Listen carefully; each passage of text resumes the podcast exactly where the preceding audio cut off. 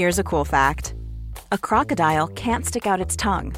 Another cool fact you can get short term health insurance for a month or just under a year in some states. United Healthcare short term insurance plans are designed for people who are between jobs, coming off their parents' plan, or turning a side hustle into a full time gig. Underwritten by Golden Rule Insurance Company, they offer flexible, budget friendly coverage with access to a nationwide network of doctors and hospitals. Get more cool facts about United Healthcare short term plans at uh1.com. Hiring for your small business? If you're not looking for professionals on LinkedIn, you're looking in the wrong place. That's like looking for your car keys in a fish tank. LinkedIn helps you hire professionals you can't find anywhere else, even those who aren't actively searching for a new job but might be open to the perfect role. In a given month, over 70% of LinkedIn users don't even visit other leading job sites. So start looking in the right place. With LinkedIn, you can hire professionals like a professional. Post your free job on linkedin.com slash people today. Many of us have those stubborn pounds that seem impossible to lose, no matter how good we eat or how hard we work out. My solution is PlushCare. PlushCare is a leading telehealth provider with doctors who are there for you day and night to partner with you in your weight loss journey. They can prescribe FDA-approved weight loss medications like Wagovi and Zepbound for those who qualify. Plus, they accept most insurance plans. To get started, visit plushcare.com slash weight loss. That's plushcare.com slash weight loss.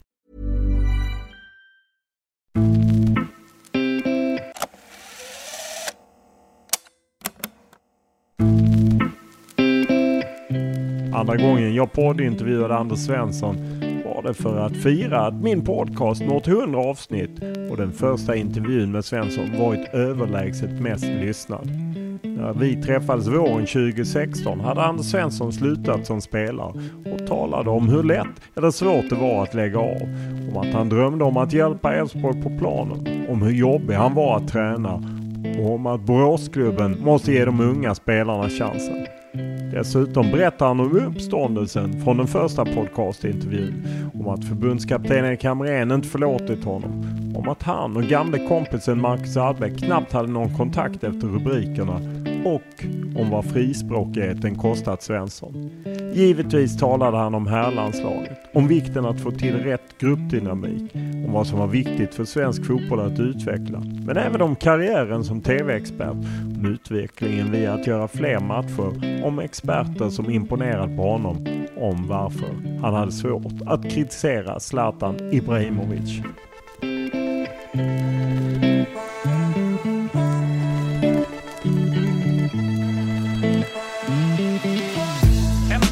Minuten, 0-0 mellan Sverige och Argentina. Eh, och ett svenskt mål skulle ju få en fantastisk betydelse. Anders Svensson eller Henrik Larsson. Larsson fram mot bollen, han hoppar över. Svensson skjuter istället, ett bra skott! Och mål! i mål! I mål! Anders Svensson gör ett drömmål på frispark! Och Sverige tar ledningen med osannolika 1-0! Och hela svenska laget ligger i detta hög med Svensson och Anders. Avbytare, ordinarie spelare allihopa. Och Anders Svensson frälser Sverige i den 59 minuten.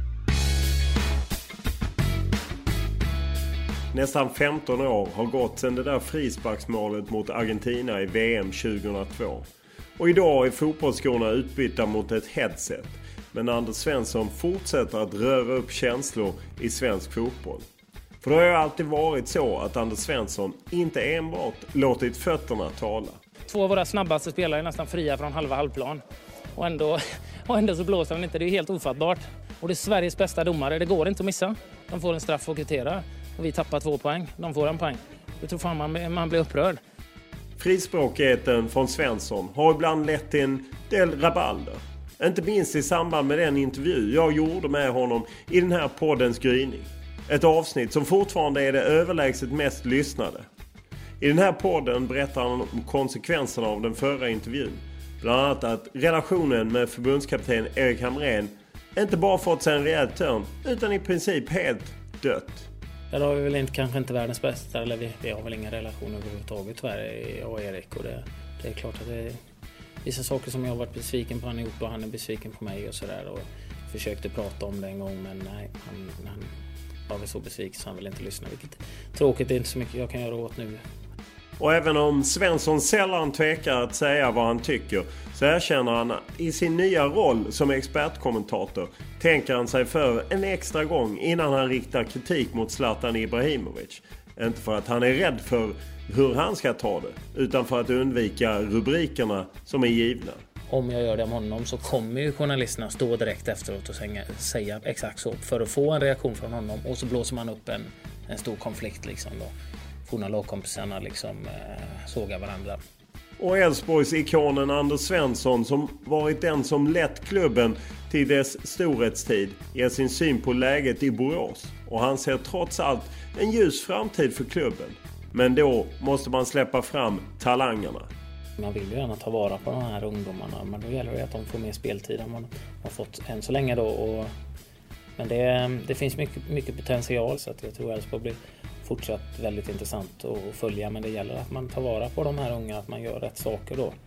Och eftersom det är avsnitt 100 och Anders Svenssons andra medverkan så drar vi igång med en ny uppdaterad variant av faktarutan som som vanligt inleder poddintervjun.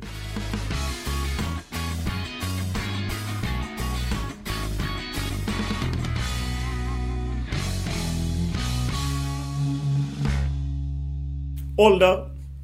Eh, 39. Familj? Ja, fru, två barn. Bor? Eh, Öjersjö. Utbildning? Eh, jag har ju gått skolan och gymnasiet, restaurangskolan. Nu eh, går jag en utbildning på IOM som är med SISU, eh, Väst, vad heter Västsvenska idrottsförbundet och eh, PGA och, och IHM då, så Business School i Göteborg. idrottens chefsutbildning heter den, så den går nu. så att håller fortfarande på att utbilda mig lite. Vad blir man på det? Ja, det är väl lite åt sportchef, klubbchefshållet. Lön? Eh, ja, det har jag haft. Eh, nu har jag eget företag då. Vem är historiens största fotbollsspelare? Oj. Det är ju jättesvårt. Eh, mm. Jag har inte sett de här som pratar om så mycket. Man tittar på Pelé, Cruyff och de här. Maradona fick jag ju se lite och var ju enorm under min uppväxt. Men i och med att jag mer var brasilianare och sådär. Sen så kan jag tycka under modern tid att eh, sådana som Zidane och Messi håller jag ju kanske högre än alla dem. Vilken eh, är din bästa fotbollsupplevelse? Eh, VM i Japan tillsammans med SM-guldet med Elfsborg 2006. Vilken egenskap beundrar du mest på planen hos en fotbollsspelare? Spelintelligensen.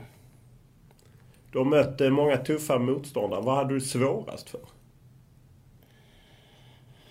Uh, ja... Små, små kvicka spelare tyckte passningsskickliga men var inte han den kvickaste kanske men Xavi var ju svår att, att möta och ta bollen. Du kom aldrig riktigt nära liksom. Han, vände och vred åt alla möjliga håll. Det var svår spelare att spela mot. Vad har du mest fått nöta på i din karriär? Jag har ju spelat större delen i Sverige så det har varit mest defensiven. Vad är det värsta du har hört på planen? Jag vet inte om jag har hört så. Man är ju rätt fokuserad så jag kommer inte ihåg det. Jag har skrikit både det ena och det andra. Eh, hora har man blivit kallad bland annat av Bojanic för inte så länge sedan. Det var intressant. Vad brukade du säga själv?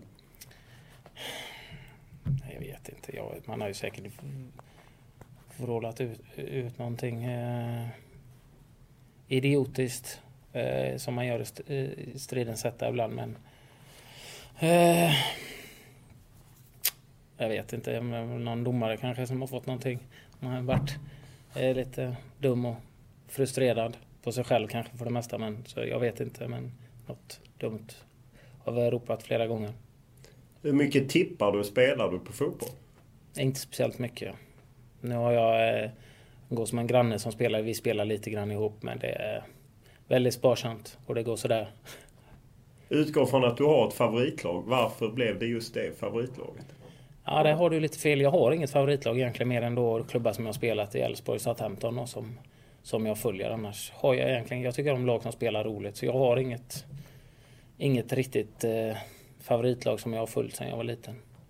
Vad är lycka för dig?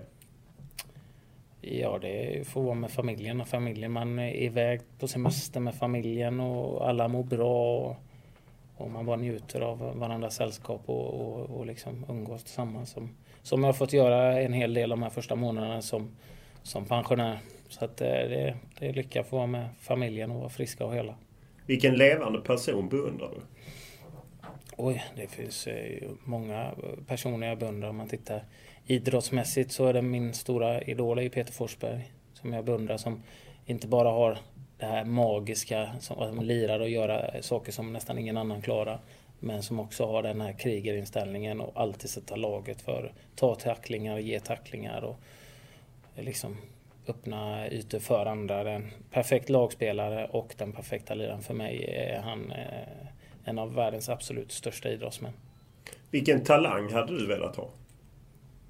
Eh, jag hade kunnat tänka mig att spela gitarr och sjunga men det, det hade varit roligt. Men eh, jag kan varken det eller det andra. Vad är din favoritsvordom? Vad är det? Varför måste man säga det? Nej, det vill jag inte säga. För det, nej, det är inget, jag är stolt över. Vilket ljud älskar du? Eh, ljud. Eh, mina barns skratt. Vilket ljud ogillar du? Ja, nej. Ja, eh, jag gillar ju inte när någon slår sig. Liksom. Man, man hör något hjärtskär, hjärtskärande liksom, skrik att någon har slått sig illa. Liksom. Och framförallt ens nära och kära men även någon annan. Eh, när man ser det eller hör det. Det, det, det gör ju ont. Om himlen finns, vad vill du att Gud säger när du kommer? eh, ja, eh,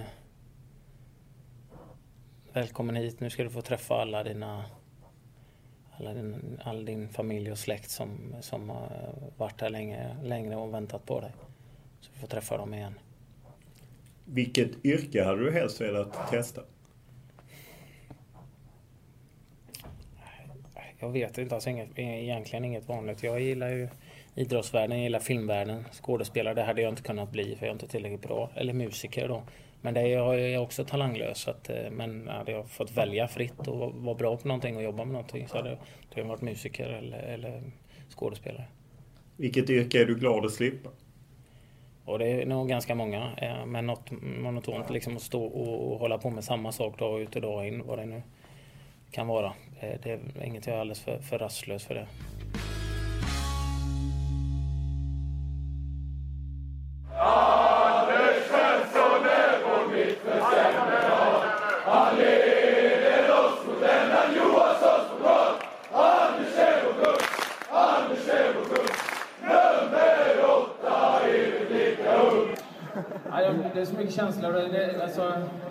Klubben så länge och, och Stort, stort tack!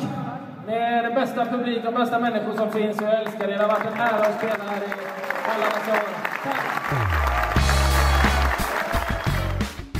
När jag träffade Anders Svensson på ett hotell i Göteborg för den här intervjun då konstaterar han med ett litet skratt att hans liv som fotbollspensionär är rätt så välfyllt.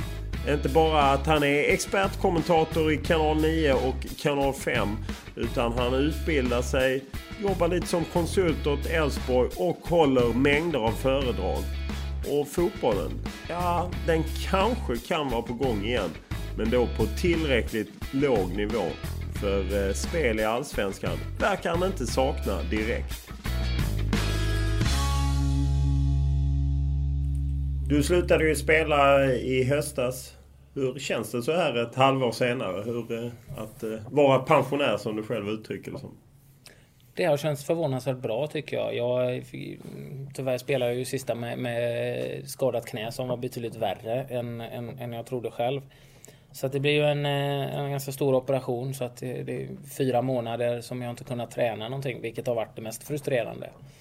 Men så att jag hade ju inte kunnat vara med och träna och så ändå. Även om, om jag hade haft ett kontrakt ett år till. Så att, eh, det, men eh, även nu när jag har kunnat börja springa och matcherna har börjat senare så att så um, känns bra, känns framförallt bra att ha mer tid och kunna bestämma över min egna tid. Hur mycket jag vill arbeta och kunna vara mer med min familj, göra resor, spendera helger och umgås med vänner och, och familj. Det är den här tiden som man inte hade som fotbollsspelare. Och ha en sommar framför sig här nu där man faktiskt kan eh, umgås med, med andra familjer och sin egna familj naturligtvis. Men åka iväg och ha en sommarsemester. Det var länge sedan. Var det lättare om du trodde att sluta? Nej, men jag, det, ja, alltså, jag trodde väl kanske att jag skulle sakna det mer, men det kanske kommer. Nu har ju säsongen precis börjat. Det är fortfarande lite småkallt och ute och dåliga planer och sådär. Så att, nej, jag saknar det. Det är inte så att det kittlar i benen något märk, märkvärdigt ännu i alla fall. Så vi se. Kände du på slutet att ah, det ska bli rätt skönt att lägga av? Ja, men jag tror att jag bestämde mig ganska tidigt förra året och förberedde mig nog mentalt hela året. Vilket gjorde att det blev ingen sån stor känslomässig jobbig grej för mig när jag väl slutade. Utan jag kände att det, det kändes som ett bra beslut. Det fanns så många andra saker som jag ville göra och såg fram emot. Så att, eh, sa min fru också till mig att liksom skillnaden innan när jag kanske har velat och när jag har haft ett utgående kontrakt så tyckte hon att nu kändes det verkligen som att eh, jag hade tagit beslutet och att jag kände mig färdig. Liksom. Så hon märkte också en skillnad på mig rätt tidigt under året och det gjorde nog att jag var bestämd och då eh, kändes det som att det, det, var inget problem och det har inte varit något problem än, ännu heller. Hur nära var det att det blev Indien? Ja, det var jättenära. Vad var det som stoppade? Nej, det var framförallt skattemässiga och ekonomiska skäl. Det var det att du hade varit tvungen att skriva det ut? Eh, ja, jag var tvungen att... Eh, ja, precis. Var borta ett halvår ja, helt ja. Hur eh, trist var det? Eh, både och. Är väldigt nöjd med att få avsluta hemma eh, och spela en sista match och Elfsborg med allting som var runt. Eh, så att det, det blev bra till slut ändå. Det är klart. Eh, det har varit roligt med ett sånt sista äventyr också men nej, det är inget som jag ältar nu. Hur var känslan just att tackas på Borås Arena på det sättet?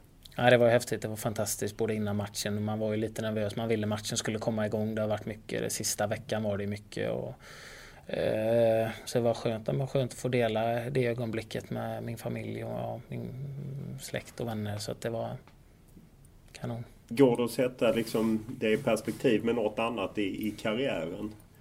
Ja, men det blir ju annorlunda. Det, det blir ju annorlunda. Det, det, är ett avslut på något sätt. Men det var ett fint eh, avslut. Eh, eh alla supportrar och, och, liksom, eh, och sponsorer och, och klubben liksom, jag hade gjort det till med för mig och Andreas till att bli en väldigt en fantastisk dag och sen avsluta sista matchen och gapa och skälla i omklädningsrummet för att vi ligger under i paus och har chans på fjärdeplatsen. Och, det är väl också klassiskt mig. Och sen gå ut och så vinner vi matchen då. Så det, det blev väldigt lyckat.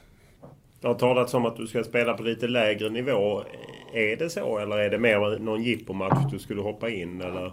Nej, det har väl varit så men det har blivit lite förstorat, lite missförstånd i media som det lätt kan bli. Även fast man förtydligar från semester på Aruba för lokala tidningen i Partille så, så eh, blev det ändå en annan rubrik än än vad det var med vad jag sa. Men grejen är ju så att när man bor som jag gör och man, man har barn, man umgås med barnen som nu börjar lira lite fotboll, aktiviteter.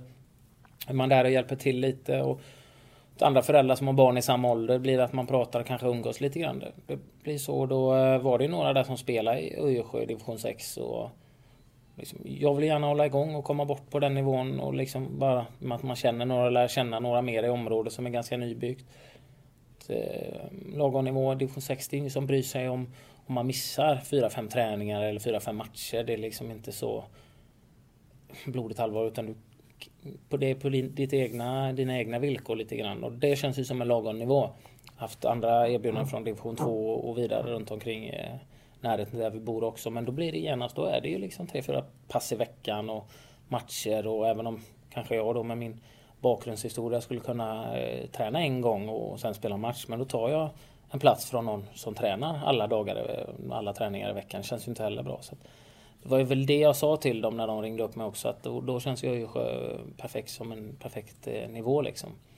Och det fick dem till att jag var klar då. Så det är inte riktigt sant. Jag har inte varit och tränat ännu. Jag skulle ha varit där i måndags men då hade jag jobb i, i Borås innan matchen mot Malmö då.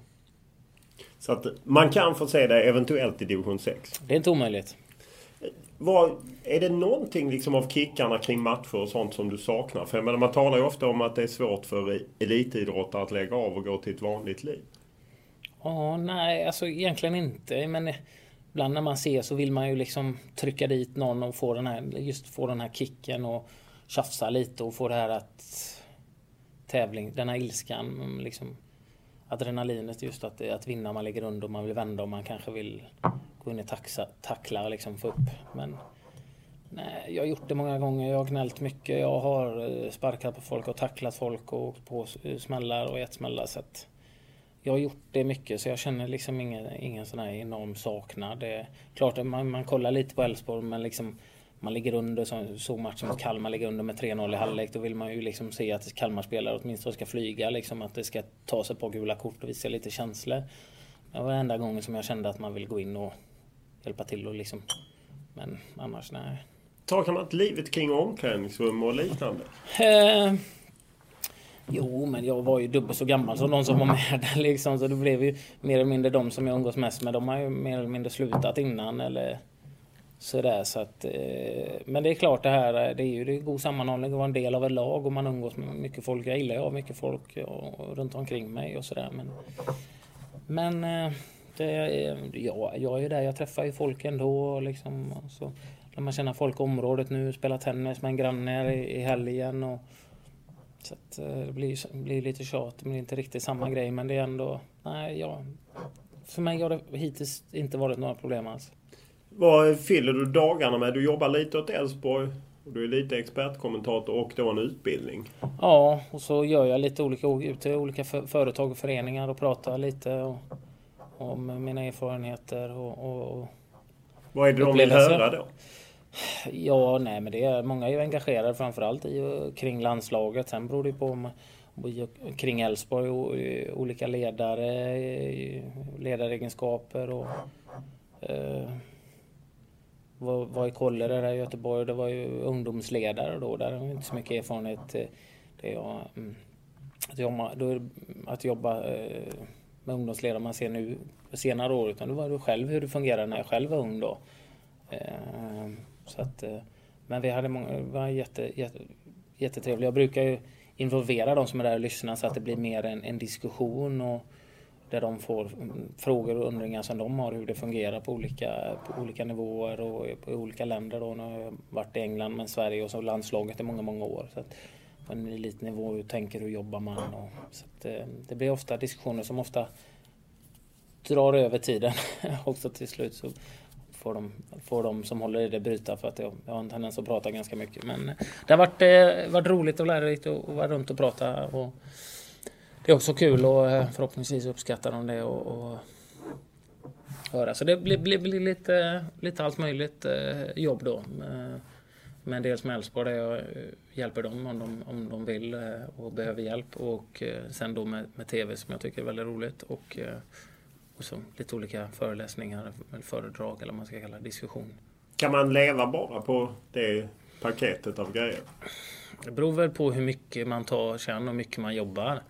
Eh, sen är det klart att jag har sparat pengar under åren eh, som, som, eh, som jag naturligtvis eh, eh, som underlättar för att jag ska kunna välja. Det är just den fri, friheten som jag vill ha som jag tycker att eh, jag förtjänat under alla dessa år av ganska bunden. Även om det har varit kanske korta dagar men det har varit väldigt mycket, man är bunden liksom hela tiden. Fokusera vad man äter och Eh, vara tillgänglig för träning och, och, och, och tacka nej till mycket saker. Så nu har jag möjlighet att, att styra lite hur mycket jag vill jobba. Så jag kan jobba mer än vad jag gör nu men jag tackar nej till en del saker. Och det beror lite grann i perioder också just eh, min... Eh, om det liksom min fru och, och barn är lediga liksom och vi vill hitta på grejer. Då ser jag till att inte ha så mycket jobb då. Men sen är det perioder då hon, naturligtvis min fru jobbar och barnen ändå går i skola och sådär. Då passar jag på att jobba så mycket som möjligt. Men jag har ju den fördelen då med, med att jag har eh, ändå varit framgångsrik och kunnat spara pengar så att jag kan jobba så mycket som jag känner att jag vill och behöver. Är du en aktiv affärsman så att säga? Att du med investeringar och så eller är du mer en passiv affärsman som har eh, aktier eller liksom? Förstår du vad jag menar? Jag är ganska passiv. Jag har folk som hjälper mig med det. Jag koncentrerar mig på det jag, det jag är bra på, det jag kan. Just att jobba som expert, hur svårt var det klivet att sitta och kommentera en match i, i TV? Ja, men det är svårt och det var ju ganska svårt att göra det samtidigt som jag själv var aktiv, vilket gjorde att jag kunde göra kanske en match. Sen kunde det ju dröja eh, månader innan jag fick göra nästa, vilket jag, jag fick ingen riktig kontinuitet i det. Det kändes nästan som jag började om från början varje gång. Men otroligt bra och trevliga människor runt omkring som också var någonting som man kanske saknar ibland hos svenska fotbollstränare. Just det här att de var raka och ärliga. De sa till vad som inte var bra, vad som var bra, vad man behöver tänka på. Ganska raka besked, vilket jag uppskattar. Så det var väldigt, jag har haft tur att få jobba med väldigt bra människor. Ehm, sen är det ju intressant att se den sidan av det, vilket enormt, vilken enorm apparat det är. Hur mycket folk inblandade och vilket arbete de lägger ner runt omkring. Så det har varit lärorikt och det, det är roligt och jag hoppas nu att jag får möjlighet att, och har ju redan i år fått göra mer matcher tätare än vad jag har kunnat göra innan. Så det, det är jätteroligt. Vad, vad är det som är svårast för dig? Ja, det är väl uttal av en del spelare. Man vet ju inte om folk, folk eh, liksom irriterar sig på det. Men det är också eh, just det här med tajmingen. Det handlar ju om, för mig handlar det om och man vill ju inte förstöra upplevelsen liksom så man hamnar eh, att folk stör sig liksom på ens ens röst. Jag vet ju att jag kan mycket fotboll. Det var ju en av mina styrkor, just min, min fotbollshjärna. Liksom jag ser saker och lösningar, eh, kanske tidigare än andra. Vilket gjorde att jag kunde hålla på och spela så länge. Eh, sen om jag kan förklara det på ett sätt så att de som tittar förstår, som kanske inte kan fotboll lika bra. Det, det är ju det, är det svåra. Och, och utan att bli för långrandig och prata för mycket heller. Jag tycker väl att man som expert ska inte prata för mycket heller. Men det är väl att förklara olika skeenden i matcherna och saker. Så det, det, det är naturligtvis, eh, det är inte helt enkelt och det jag hoppas att jag kommer att bli bättre och bättre på det, men jag tycker det är roligt. Ibland så tycker man ju liksom att från medias håll, jo men ni vet inte liksom vilken matchplan vi har eller liknande. Att man kan få ett vissa taktiska direktiv som spelare som inte liksom de som följer och kommenterar matchen ser. Hur, Förstår du den kritiken och hur hanterar du det? Uh, nej, men det, det, det är ju svårt. Det gäller ju bara liksom att vara konstigt. Jag kan ju, vet ju inte exakt vad de har för matchplan. Det är möjligt att de spelar på ett sätt som man tycker att de är passiva med eh, och, och backar hem. Men det kanske är deras matchplan. Det vet man ju inte. Det kan man ju inte få reda på. Det är möjligt man kan få reda på det efter då om, om tränaren säger det. Men så visst, man kan ju ge kritik att man tycker de är passiva, men man får ju ändå ha det att det är möjligt att det är deras sätt att spela. Att de, så att, eh, sen kan man ju tycka det är rätt eller fel, men det, det vet man ju inte heller hur det hade gått om de inte hade gjort det. Så det, jag, jag, jag ser inget riktigt problem i, i det. Hur, hur, ser du på att kritisera kompisar? Jag menar, du har ju framförallt kommenterat landslaget ja. i rätt tätt efter du har lämnat landslaget. Vilket ju är en fördel för du känner ju till förbundskaptenens spelare. Men samtidigt hamnar man ju i ett kompisförhållande också. Ja, det, alltså det är ju problemet. Och, och liksom, jag har väl inga problem att, att eh, kritisera någon sådär direkt. Eh, så länge det är konstruktiv kritik och säga att någon bara är skitdålig. Det, är liksom, det ger mig ingenting heller egentligen. Och bara eh, ur sig något sånt. Men man får väl ha försöka vara lite konstruktiv i sin kritik. Samtidigt så vet man ju att för egentligen allihop, förutom en person som är omöjligt liksom. Och det är ju på grund av media. För det, du, du har ju... Om till exempel jag kritiserar eh, Erik Johansson som spelar mittback och kritiserar honom för något ingripande eller någonting. Så är det ingen som... Det rör ingen liksom efteråt. Men om jag skulle kritisera Zlatan för att han inte tar jobbet till exempel en situation. Då kommer ju den här, oftast Aftonbladet eller ja, någon av kvällstidningarna, kommer ju stå direkt i mitt zon och säger det Anders Svensson sågade dig under matchen. Vilket egentligen inte är helt sant. Jag kan ha gett han kritik liksom, men då kommer det vara det och kommer det bli någon reaktion från honom som det brukar bli. Och så blir det en konflikt och så har tidningarna lyckats. Och det har man ju med sig i bakhuvudet lite grann tyvärr. Och det är ju tråkigt för jag vill ju kunna ge honom kritik precis som jag ger de andra kritik. Men om jag ger de andra kritik på det sättet så kommer det inte nämnas Men om jag gör det om honom så kommer ju journalisterna stå direkt efteråt och säga exakt så för att få en reaktion från honom och så blåser man upp en, en stor konflikt liksom då. Forna lagkompisarna liksom eh, sågar varandra. Och det är tråkigt. Men, så, men så, kan så, inte både du och han exakt hur det funkar då? Ja men alltså det är inga problem. Vi har ju haft sådana här. Det har ju varit några, jag nämnde någonting om eh, liksom Eh, för att försvara de andra spelarna där för att eh, liksom, eh, landslaget kan vi lägga ner när han slutar. Det var ju många krönikörer som skrev och det tyckte jag var lite dåligt och sa något i stil med att det kan väl liksom att det kan ju bli mer framgångsrikt och bättre när, när han slutar även om han inte Även om de kanske ville vända det till att jag ville att han skulle inte spela nu, vilket var helt fel. Men då är det ju... Och då svar, svar, blev det ju en sån fråga och då svarade han ju någonting liksom... Ja,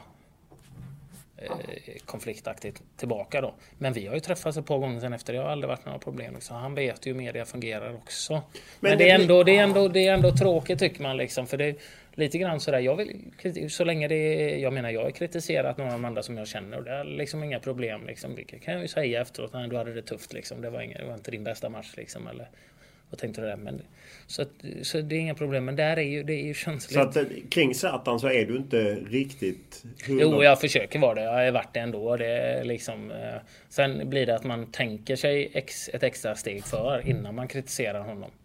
Tyvärr blir så. Så kanske det är för många andra. Men det är, det det är, liksom, det är som de nästan sitter och lyssnar och väntar på att man ska säga någonting så de kan få göra den där konflikten. Tyvärr. Är det, är det någon i landslaget som är liksom på dig? Att hur fan kan du ha det jobbet? Eller liksom fan... Ingen. För man märkte ju det liksom när Magnus Hedman var lite kritisk när han jobbade hos oss på TV4. Att, att han kunde få lite mothugg. Men det är ingen som har sagt något. Nej. Jag tror inte, jag, jag har inte sagt något sådär eh, eh, vad ska man säga, eh, uppseendeväckande liksom. Utan om jag ger någon kritik så är det oftast kanske befogad och konstruktiv kritik. Det är inte att jag sågar någon efter fotknölarna utan liksom, det kan ju vara som, precis som jag själv har haft en, en dålig dag där man inte lyckas mycket och det är väl inte så troligt. Det är väl ganska troligt att jag blir utbytt liksom och så har det kanske blivit så. Det, så kan man väl ha sagt om någon spelare så har man inte haft en jättebra dag. De vill nog göra någon förändring. Jag skulle tro att det är han som blir utbytt som inte haft en speciellt bra dag. Det är lite mer eh, om du tittar på eh, gamla tränare, spelare som är experter. Vilka har du som förebild eller vilka tycker du är bra? Om du har några ens? Ja, men jag, alltså, jag gillar ju Glenn Strömberg. Nu vet jag att det är väldigt många i TV-branschen som tycker att han pratar väldigt mycket, alldeles för mycket för att vara expert.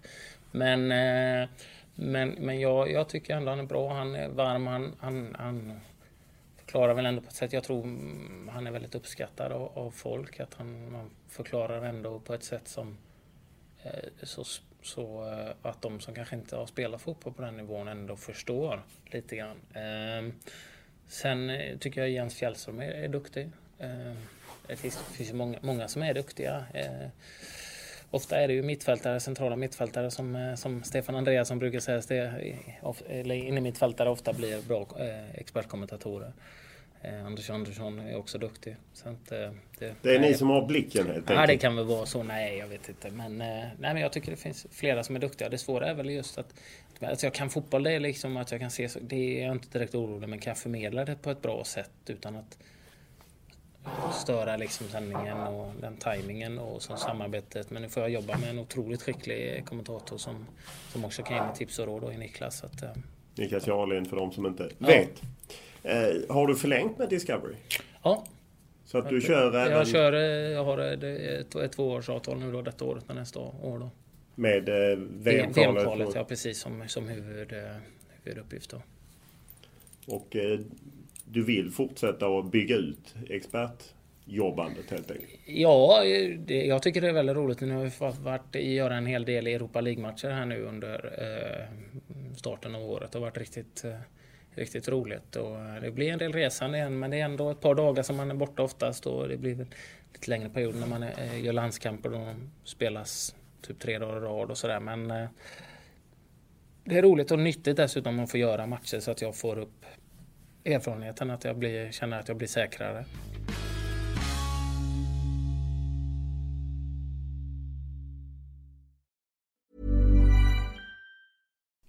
Would you like to look five years younger? In a clinical study, people that had volume added with Juvederm Voluma XC in the cheeks perceived themselves as looking five years younger at six months after treatment Look younger, feel like you. Add volume for lift and contour in the cheeks with Juvederm Voluma XC. Reverse signs of aging by adding volume to smooth laugh lines with Juvederm Volure XC. For important safety information and to find a licensed specialist, visit juvederm.com. That's J U V E D E R M.com. Not for people with severe allergic reactions, allergies to lidocaine, or the proteins used in Juvederm. Common side effects include injection site redness, swelling, pain, tenderness, firmness, lumps, bumps, bruising, discoloration, or itching. There's a risk of unintentional injection into a blood vessel, which can cause vision abnormalities, blindness, stroke, temporary scabs, or scarring. Talk to a licensed specialist to find out if it's right for you.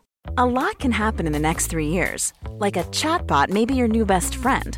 But what won't change? Needing health insurance. United Healthcare Tri Term Medical Plans are available for these changing times. Underwritten by Golden Rule Insurance Company, they offer budget friendly, flexible coverage for people who are in between jobs or missed open enrollment. The plans last nearly three years in some states, with access to a nationwide network of doctors and hospitals. So, for whatever tomorrow brings, United Healthcare Tri Term Medical Plans may be for you. Learn more at uh1.com. I'm Sandra, and I'm just the professional your small business was looking for. But you didn't hire me because you didn't use LinkedIn jobs. LinkedIn has professionals you can't find anywhere else, including those who aren't actively looking for a new job but might be open to the perfect role, like me.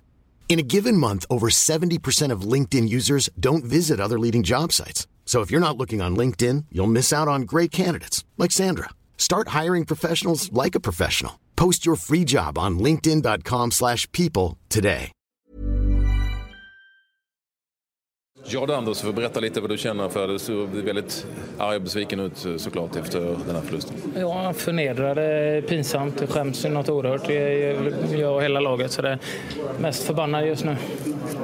På att det blev som det blev eller på att någonting annat? Nej, att vi visar upp en fruktansvärd sida av eh, svensk fotboll tycker jag. Så det känns eh, tungt just nu. I svensk fotboll så känns det som att vi överlag prioriterar försvarsspel. Problemet är vad, vad ska vi göra när vi har boll själva? Det är inte så stor fokus på det i svensk fotboll tycker jag. Vilket gör att vi eh, lägger otroligt mycket energi och fokus på vad vi ska göra när motståndarna har bollen. Så, eh, och med boll så är de eh, ja, ljusår för oss. Anders Svensson har alltid varit ett eftertraktat intervjuoffer. Under den långa fotbollskarriären där han varit stor stjärna i Elfsborg och landslaget har han bjudit på humor, känslor och åsikter. Det är klart att vi journalister sprungit efter honom för att få just det. Och sedan har kanske frispråkigheten kostat honom en del eftersom det i Sverige inte alltid är uppskattat när man sticker ut och säger vad man tycker och tänker. Det är något Anders Svensson fått lära sig att leva med och något han nog accepterat med tiden. Även om eh, en del rubriker kanske svider.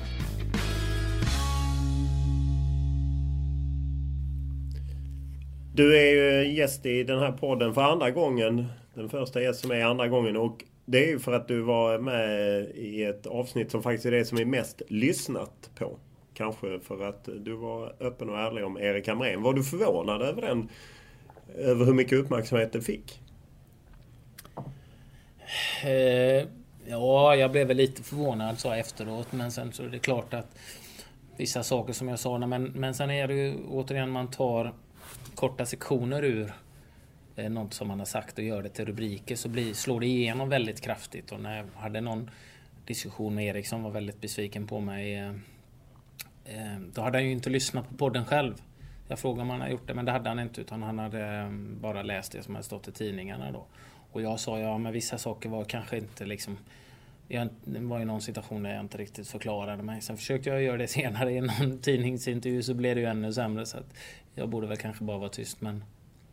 Eh, nej, det blev, blev ganska stort där och... Eh, jag, tyck, jag tyckte väl själv att jag var ganska jag var kritisk naturligtvis men jag var väl, försökte ändå förklara min kritik och, och det gick väl inte hem eh, där och det blev väl väldigt många, mycket rubriker och så vidare men ja, det, det, det är som det är. Hur var reaktionen från eh, ja, gamla lagkamrater och sånt? Jag, ska, jag kommer inte ihåg. Ja. Det var... Det var eh, jag, jag, jag, minns inte. Det, det, är många situationer som jag förklarat som de har varit med om. Men man kanske har olika syn på det men jag har inte haft några problem med någon av utan det är, det är mest med Erik som var väldigt besviken. Så det var, det var ju tråkigt men det är klart att det var, var väl lite kritik till honom. Men det, jag har varit ute på föreläsningar och föredrag och pratat och han tagit upp samma saker också men gett han en hel del beröm för saker som han har. Till exempel det som jag inte förklarat. Han utan tvekan den bästa eh, tränaren just som jag haft på just att sitta ner och ta diskussioner med, med spelare och gå igenom videoklipp och sådär. Det var ju situationer där vi hade där han pratade med mig om bland annat när jag var nere och hämtade boll och jag levererade den att han tyckte att jag låg kvar i backlinjen för långt. Liksom, att jag måste upp och bli mittfältare och jag tyckte inte liksom att... Nej, det, så kände inte jag att jag gjorde. Men det han mig ju ett antal klipp från matcher och hade helt rätt då liksom. Så det var han väldigt duktig på och gjorde och la ner väldigt, väldigt mycket tid på det. det blev, han hade ju mycket hjälp på Bålsam då som tog ut klipp och han arrangerade så att han även kunde sitta och liksom skypa och över nätet och, och gå igenom de här klippen tillsammans med spelare. Vilket jag tror är väldigt, väldigt nyttigt. Vilket görs alldeles för lite Men titta på Elfsborg där vi skulle behöva göra det med många, många spelare. Men eh, där det inte riktigt finns tid. Men Erik tog ju sig tid och la ner väldigt mycket tid på just de här Eh, individuella eh, utvecklande samtalen. Om du går tillbaka till att du då kan vara lite frispråkig om man säger det. Men vad, vad, tror du det har kostat dig? Alltså har det, varit, har det kostat dig någonting i form av relationer eller? Eh? Ja men det har det väl gjort. Liksom där, där har vi väl inte, kanske inte världens bästa, eller vi, vi har väl inga relationer överhuvudtaget tyvärr, jag och Erik. Och det, det är klart att det är vissa saker som jag har varit besviken på han har gjort och han är besviken på mig och sådär försökte prata om det en gång men nej, han, han var väl så besviken så han ville inte lyssna. Vilket tråkigt, det är inte så mycket jag kan göra åt nu. Eh, men eh, ja, det har det väl. Man är frispråkig och det, man, det var ju samma med när man är, får en intervju uppstoppad när man är som mest irriterad eh, efter en match och saker som man har sagt har kanske vänt lite sådär ut och in på det. Man kommer tillbaka som jag kanske tycker är än mer tråkigt. Det är ju med, med, med Lennartsson där det var jag hade ju fått Haglund sparkad innan och nu fick jag Magnus, eller eh, Jörgen sparkad också vilket är helt fel. Sen vet jag att jag inte alltid uppträder, att jag inte är den enklaste att göra med. Jag har ju en egen vilja, jag tycker mycket om saker och ting och framför det kanske inte på allra bästa sätt liksom. Eh, men Ta som efter Salzburg-matchen där jag var frustrerad. Vi blivit fullständigt utspelade och eh, ville inte gå och göra en intervju men de fick ju dra ut mig. Jag var tvungen och de media hjälper dem och var vansinniga på mig. Så jag var ju tvungen att gå ut och då om, tänkte man inte igenom vad jag så arg och då, då, eh, då sa jag väl någonting i stil med att eh, se vad som händer när vi, vi i Sverige fokuserar vi 80% vad vi ska göra när motståndarna har bollen. Eh, och, eh, eh, då, då blev ju det kritik i media från mig mot Jörgens taktik. Men det var, det var det ju absolut inte. Utan stort sett alla tränare som jag har haft svenska har ju fokuserat. Och man gör det i svensk fotboll de flesta tycker jag än idag, att man lägger ner väldigt, väldigt mycket tid på försvarsspel, hur man ska göra när motståndarna har bollen. Och det var absolut ingen kritik mot Jörgen, men det blev vänt mot honom och Jörgen är en fantastiskt snäll och varm människa också och blev naturligtvis besviken även om han inte tog mig åt sidan och, och liksom skällde, skällde ut mig, vilket han kanske borde ha gjort. Men eh, det var inte riktat mot, mot honom och hans taktik, för det var inte hans taktik att vi skulle gå ut och vara passiva och bara slå undan bollen. Utan det var ju vi spelare som inte var trygga när vi väl fick bollen. Eh, men det är någonting generellt som vi jobbar med för dåligt i svensk fotboll. Men det är bara e-, ett exempel. Sen gjorde jag ju eh, fel på, under träningen mot Jörgen kan man ju säga, tror jag, som han upplever det i alla fall. Som jag kan förstå så här i efterhand. Eh, jag kanske ifrågasatte en övning. För att jag tyckte den var... Jag tyckte inte den gav någonting. Och, och det, kunde jag, det kan man ju göra, men man kan göra det mellan fyra ögon. Jag kunde tagit Jörgen vid sidan och inte säga det direkt när alla står och lyssnar. För det är klart det sänder signaler en spelare säger till tränaren. Och det, det kan jag förstå i efterhand. Men jag tänkte ju inte så. Jag tänkte ju att varför ska vi göra den övningen? ger ju oss ingenting. Det är bättre att vi gör någonting som... För det blir, det blir inte bra för laget, så tänker jag. jag mm. och på någonstans har jag väl... Är jag väl rätt, men ändå fel. Jag kunde ha sagt det till Jörgen, men jag skulle ha sagt det bara till Jörgen. För nu blir det ju som att... Ja, de andra, ju... de, att jag underminerar honom liksom. Ja. De andra spelarna säger okej, okay, Anders säger ifrån till tränaren att hans övning är dålig. Det, och, men jag tänker ju inte så då. Jag vill ju hjälpa. Men det, jag förstår ju så här efterhand är fel och jag tror nog att Jörgen kände att det, man var gnällig och lite liksom besvärlig. Och det så tror jag Magnus upplevde innan också. Jag tyck, tyck, tycker mycket men jag gör ju det. Jag kunde framfört det på ett betydligt bättre sätt. Och men är det, har du lika risig relation med Jörgen Lennartsson efter den? Nej, vi har haft någon mailkontakt, någon sms-kontakt men vi har inte pratat eh, mycket. Jag förstår naturligtvis att han är besviken besviken på mig och tyckte nog att jag var... Men jag hade ingenting. Jag indirekt kanske jag om jag kritiserar och det blir kritik att det blir ohållbart att han skulle vara kvar. Men jag har aldrig haft någon önskan att Jörgen skulle sluta. Absolut inte. Det finns väldigt mycket med Jörgen som jag tycker är jättebra. Så det är tråkigt och det är roligt att det går bra för honom i, i IFK också. Så att, men där har du som ett exempel en relation då som kanske har förstörts för att jag en annan relation som jag är lite förvånad över som jag läste i kaféintervjun som du gjorde att, att även du och Marcus Albeck, jag menar ni bodde ju ihop i alla år i landslaget. Man kände er som väldigt tajta och liksom efter det här med Erik så på något sätt har ni glidit isär. Det kanske skedde innan, det vet ju inte jag. Men är inte det lite underligt? Jag menar ni var så tajta i så många år. Ja, vi har väl pratat någon gång eh, sådär, sådär efteråt och vi pratar väl om vi träffas. Eh, så det, men det är klart att Marcus jobbar ju med Erik väldigt tajt och det är hans och det, det är en jobb, kanske jobbig situation för Marcus. Vi, vi pratade lite grann om det innan och, och liksom att han vill eh, lite om hur Erik kände och, och sådär. Och, och det var ju då jag gick ut för att ha den här förklaringen till liksom han, eh, det här mötet eh, som var lite i podden som Erik, som jag kände själv inte blev så bra. Så jag ut och försökte förklara det i media. Och det hade jag gjort innan jag och Marcus pratade. Det hade jag gjort och sen kom ju den intervjun och så blir det bara ännu värre tyckte jag. Liksom. Fan, det blev inte alls så som jag hade tänkt. Jag försökte förklara för att göra situationen bättre men snarare värre. Och då kände jag liksom det är ingen idé att prata med någon överhuvudtaget. Liksom. Man försöker förklara men det blir ändå fel. Så att eh, efter det har vi, har vi inte pratat eh, tyvärr. Så att, eh, det, det, det, det, är lite tråkigt eh, men eh, Eh, det är inte så att vi har något otals med varandra. Liksom. Nej, han fattar, jobbar, men... jobbar ju med Erik. Men sen har ju han också, de, han, hela familjen har flyttat till Stockholm så det har inte blivit att man har eh, samma närhet och relation eh, eh, längre. Det blev lite så även när han, när han var med landslaget och även när jag var med. Liksom. Han var ju ändå en ledare då även om man tjatade och skämtade så blev det inte riktigt samma umgänge som, som det hade varit innan då. Men det så det är tråkigt. Det är ju en, en kanonkille och har ju varit en av mina närmsta vänner i, i fotbollslivet. Så att, eh, det är väl eh, lite, lite tråkigt men eh, som sagt vi, vi har inga problem. Jag menar jag var nere vid Englandsmatchen, eller Englandsmatchen, Danmarksmatchen nere i Köpenhamn när de blev klara och, och då stod, stod jag vid spelarbussen och pratade med spelare och då kom ju alla spelare och alla ledare kom fram och liksom tjingsa och krama om en och så. Inte, inte riktigt alla, men nästan alla. Jag kan misstänka vem som inte gjorde det. Ja, vem tror du?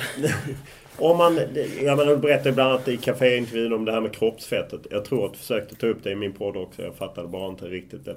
Eh, alltså hur många sådana stories finns det liksom som, alltså, som man sitter på men som man väljer? Är det medvetet att man går ut och berättar det här eller är det... Förstår du hur jag menar? Nej, det är inte medvetet. Det var väl mest för att jag vill förklara liksom det med felet där jag i, i förra podden egentligen. Där att vi, han var duktig på att ha samtal men att han kanske inte riktigt var ärlig. Men det, det, var bara som jag upplever att många svenska eh, tränare tyvärr är lite grann så att de vill, de vill väl. De är väldigt bra ledare och liksom bra människor de har haft. Men kanske saknar lite det här raka ärlighet. Om man ska peta någon istället nu ska han spela istället för dig. Liksom. Och då nästan så att de letar efter en anledning som ska göra mig så lite upprörd som möjligt. Eh, istället för att bara säga som det är. Jag tycker du, liksom, du, du var inte jättebra i matchen. Du, han har sett riktigt bra ut på träningen och jag vill ha in honom. Då får jag välja mellan dig och som spelar bredvid dig och då tycker jag att du är sämre. Så att det blir du som får vila liksom. Jag vill spela man, man är ju sig själv närmast liksom idrottsman. Alltså, jag tycker ju att jag är bättre, att jag ska spela. Men är, mm, är du rak och ärlig så, så får du ju respekt liksom. Jag köper ju det så här efterhand. Liksom, Gordon Strachan petade mig hemma mot Arsenal när Arsenal var som bäst. Där de hade eh, liksom vunnit ligan året innan eh, utan att mm, förlora en match. Så vi mötte dem hemma och det är ju en av de roligaste matcherna. Man spelar ju många matcher och, och sådär. Och så kom den så helt plötsligt sitta på bänken. Och tog han mig och en annan engelsman vid sidan liksom bara. Ja, eh, ser ni varför ni inte spelar? Jag bara, nej, eller jag vill inte lyssna. Man var ju besviken. Och den här engelsmannen sa det för att vi är korta. Bara, ja, ni får skylla på era mamma och pappa bara. Jag tänkte, vad fan är det att säga liksom? Skylla på mamma och pappa liksom för att du är kort. Men eh, då sa jag det liksom. Bara, det, det, är inte för att ni är sämre. Det är för att om vi ska slå Arsenal får vi göra det på fasta situationer liksom. Så alla de längsta spelarna spelar. Så hade vi Rory Lapp som kastade hyfsat långa inkast. Så det, eh, vi vann matchen med 3-2 på typ tre fasta situationer eller sådär liksom. Så att, vad ska man säga? Jag var skitbesviken. Det var den största matchen. Jag höll inte alls med honom. Men så här i efterhand när man lite... Han var ju ändå rak liksom. Om ska vi slå de här så måste vi vinna på det sättet och då... Då funkar inte liksom ni två korta liksom. Är det generellt i Sverige? För jag kan ju ofta känna att man är så försiktig i Sverige med debatt och liknande. Man kan inte vara så rak riktigt. Nej, och det är väl just det. Man är kanske lite konflikträdd också. Att man inte tar den här konflikten. Antingen så petar man och inte säger någonting. Eller så säger man någonting då. Kanske man letar efter en, en anledning som man tror att den här personen inte ska bli eller som man tror att om jag säger det här så blir han så lite besviken som möjligt. Det är alltid bättre tycker jag i längden att vara rak och, och ärlig. jag tycker att han är i kanonform han ska spela. Jag tyckte du gjorde en ganska dålig match liksom. Och, eh, du har gjort bra matcher innan men han är i sån kanonform nu. Så jag vill spela med honom. Jag vill in honom och det blir på din bekostnad. Liksom. Om Elfsborg har inlett allsvenska säsongen lite tungt. Eh, hur känns det att sitta på läktaren och se förlust?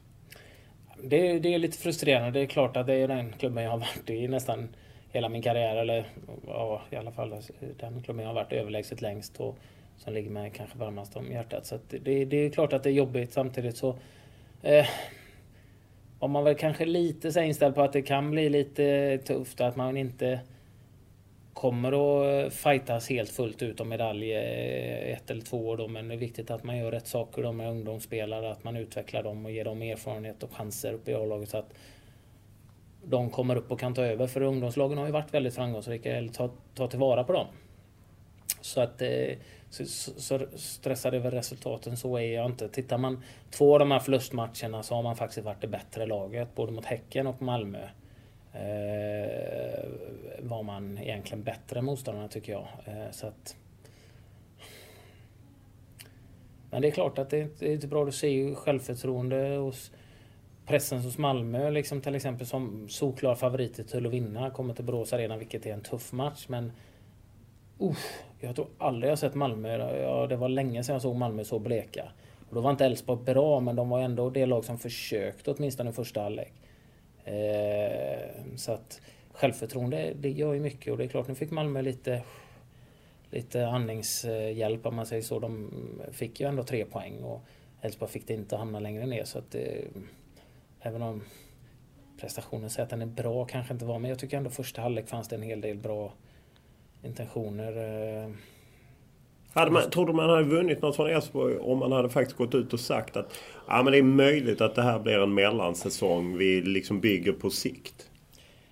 Eh, man försöker ju alltid att plocka så många poäng som möjligt så säga det utåt så. Det vet jag inte. Men gentemot sponsorer och supportrar så är det väl lite införstått. Och kanske inte kraftfullt uttalat. Man vill ju alltid vara med upp på medaljer. Men som jobbar lite på insidan så, så, så vill man ju gärna bygga någonting. Man vill ju gärna ta vara på de här ungdomarna. Men då gäller det att de får mer speltid än vad de har fått än så länge då. Och, men det, det finns mycket, mycket potential och det, det har varit tio väldigt framgångsrika år. Eh, och, eh, men nu har ju då en del nyckelspelare slutat eh, och en del kanske skadebekymmer och kanske inte spelar så mycket. Så det blir ju lite ny. Nu är ju stommen är ju nästan den här eh, ganska unga generationen med Rodén och Claesson och, och, och company. Så att, eh, det är klart att det, det hade säkert kunnat gå jättebra om han hade fått en bättre start.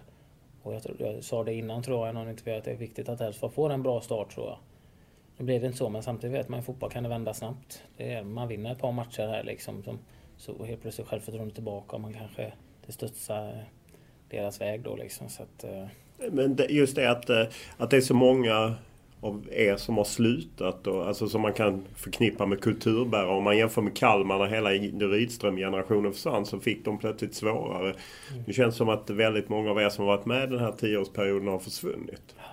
Jo, nej, men det, det, blir ju lite nytt. Framförallt det som kvaliteten finns ju. Det är som jag säger nu jag slutar men du får ju ett x antal mer löpmeter nu när jag slutar. Men sen hade jag väl lite andra ledaregenskaper då som kanske kommer saknas. Men det är viktigt för några av dem som har varit med ett tag där. Jag tänker på som jag nämnde Claesson och Rodén att de tar ytterligare ett kliv att bli lite ledare och pusha de andra och prata lite mer och se till att träning, nivån på träningar är uppe och liksom och att det blir lite det här gnället är, som kanske många stör sig på men som är ganska viktigt. Att man inte vill förlora, man inte accepterar att förlora en tackling eller och, och som är ganska nyttigt eh, i ett lag liksom, speciellt om det blir lite tuffare. Så det är väl kanske det som saknas. Men ja, det finns otroligt mycket kvalitet i, så att jag är inte, inte så orolig. Men, eh, eh, och så ser, jag, så ser jag, jag har ju sett en hel del av de unga som knackar på dörren liksom, och där finns det otroligt mycket kvalitet. Så att jag tror Elfsborg blir fortsatt väldigt intressant att följa. Men det gäller att man tar vara på de här unga, att man gör rätt saker då.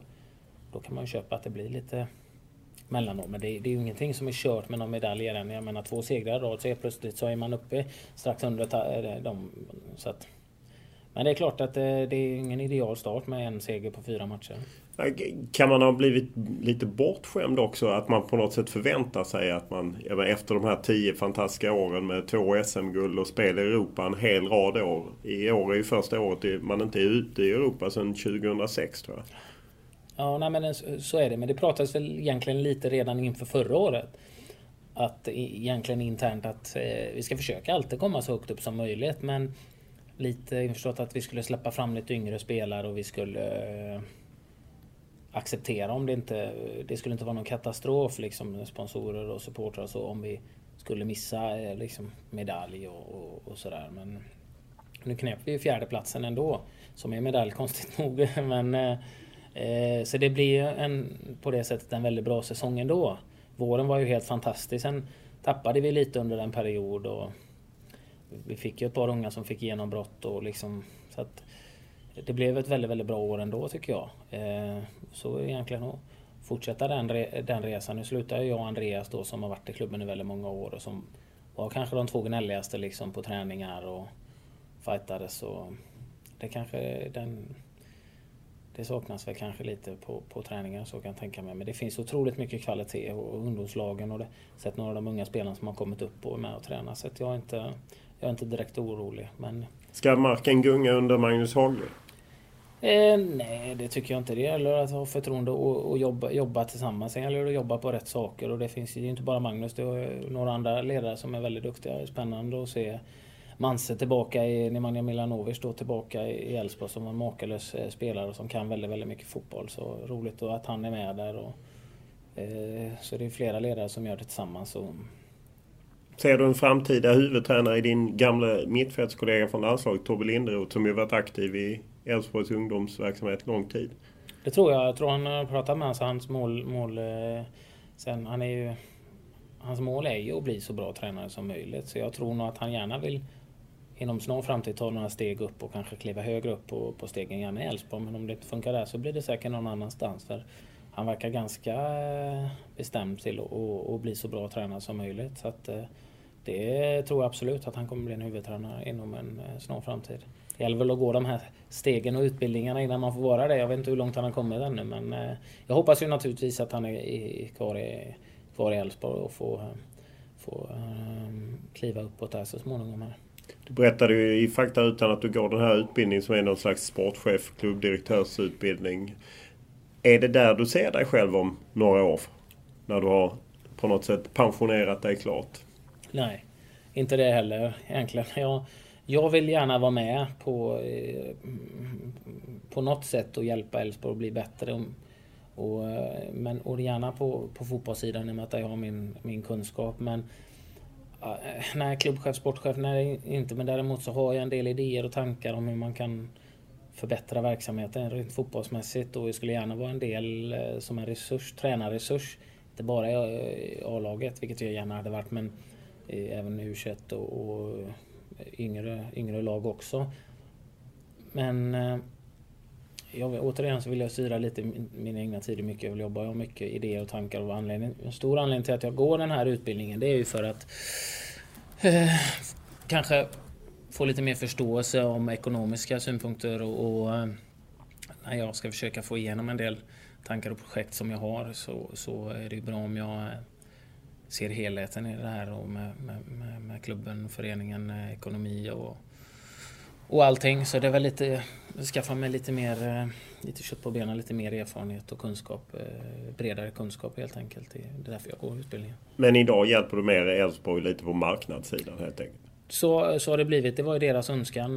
Jag är mitt företag och de så jag är konsultjobb åt dem och de vill ha mest hjälp på marknadssidan än så länge. Jag hoppas ju att jag ska få kliva in på, på, på planen och hjälpa till så småningom. Men det, det är ju helt upp till Elfsborg. Det är helt upp till Elfsborg. Jag kan ju tacka nej och säga så men jag skulle gärna vilja vara där och, och hjälpa till och bidra.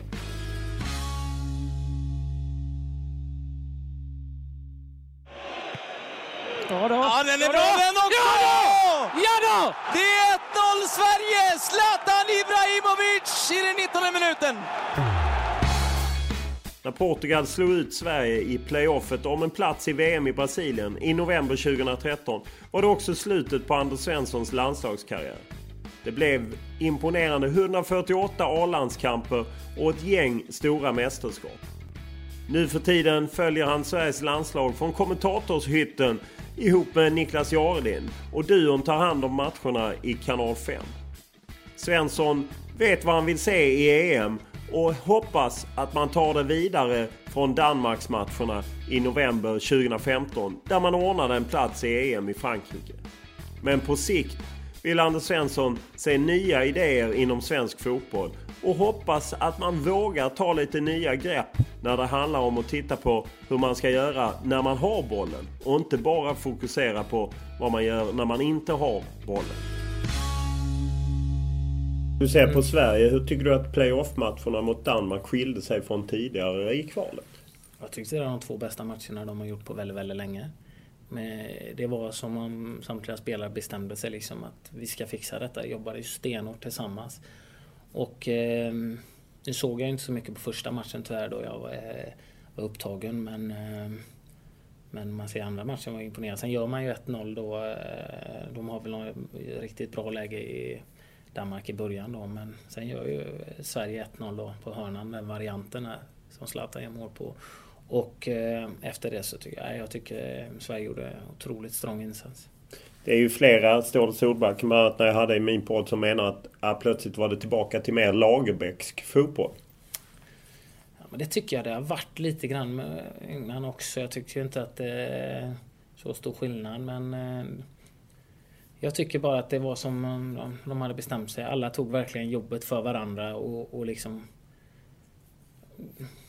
det, det, det, var ju det viktiga. Man möter en motstånd, Danmark, som är ganska spelskickliga men som har det där i sig att de vill gärna föra matcher och spela och ta det defensiva ansvaret. Det gör man inte alltid. Och Sverige bestämde sig för att de ska ta duellen. Liksom. De ska ta det jobbet och springa hem och hjälpa varandra. Och det var det som gjorde skillnaden. För lagen är ungefär jämnbra. Upplevde du att det var stor skillnad på Zlatan Ibrahimovic? En del som menar att han jobbade mycket mer defensivt än vad han gjort tidigare. Ja, det, men det är också... Han är ju, han är ju, han är ju makalös när han bestämmer sig för någonting så, så, så, eh, så vill han göra det. Och till, nu kändes det som att han hade bestämt sig i ett långt gruppspel så liksom kan du ju variera prestationer kanske då. Och han gör ju ändå eh, mål och offensiva prestationer men du såg ju på honom eh, att liksom man bestämde sig, liksom andra mittfältare som hade löpt förbi honom och så tappade bollen och han sprang tillbaka och var tillbaka. När jag tyckte han... Han, eh, han la ner ett eh, enormt arbete som precis alla andra gjorde och gav inte upp en enda boll. Det, jag tyckte han och hela laget gjorde eh, de bästa, sina bästa insatser på väldigt, väldigt länge. Och som lag, spelar man på den nivån med det arbetet och den disciplinen så, så blir man svårare svåra att stoppa. Då ska det krävas mycket för att vinna efter de hade gått till EM så var det ju en väldig mediefientlighet. Bland annat Mikael Lustig var ju ute och var kritisk. Många var kritiska. Tror du det är ett trick att man liksom internt snackar mycket om att liksom det är ingen som tror på oss för att skapa någon slags revanschlust eller vad man nu kan prata om?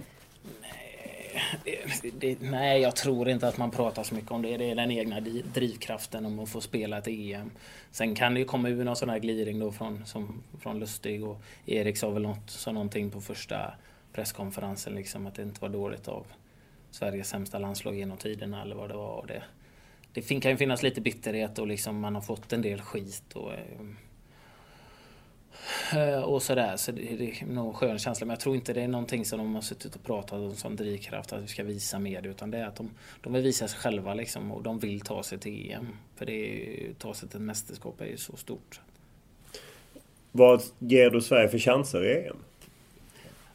Alltså kommer de upp i den nivån som mot Danmark så tror jag tror de kan gå långt, men det gäller att ha marginalerna på sin sida. Första matchen blir ju en nyckelmatch mot Irland och kan man vinna den Irland är också jobbiga att möta. De kommer inte, kommer inte bjuda på någonting. Det finns väl mer kvalitet individuellt i Sverige naturligtvis. Men Irland är ett jobbigt lag att möta och de kommer inte gå undan en närkamp. Så att, men kan man lyckas vinna den matchen så med tanke på att då fler lag går vidare nu då eh, så, eh, så har man en otroligt bra chans att gå vidare och mm, spela kanske lite mer avslappnat i de två matcherna som kommer. Men tar man sig vidare så är det utslagning och lite tur med lottning men det, det, allt kan ju hända. Liksom. Ligger man på den nivån som man gjorde mot Danmark så, så tror jag man kan göra det svårt för vilket lag som helst. Det är ganska jämnt. Alla lag kan slå alla. Det är väl egentligen kanske Tyskland och Frankrike som har hemmaplan. Spanien, eh, vilken nivå de nu ligger på igen då. De har också tappat en del nyckelspelare som har blivit i åren. Så att, eh, det är väl framförallt de tre som man känner kanske man eh, vill undvika så tidigt som möjligt. Men, annars eh, jag Sverige en bra chans mot alla lag. Om du ser på, det har ju kommit en U21-generation. Tycker du att eh, Erik Hamrén har hanterat eh, växlingen i rätt takt eller har det gått för långsamt eller för snabbt? Nej, jag tycker att det fungerar ganska bra. Det är en del där som har, som har, som har kommit in. Det är ett ganska stort steg att ta också. Eh, han har väl haft med en del av dem och de har, de har spelat. Och vissa går det fortare för och vissa kanske eh, behöver lite mer tid. Sen är det är alltid spännande med unga nya spelare liksom och låta dem få, få spela. Och, eh, eh, på den nivån så blir du alltid hyllad.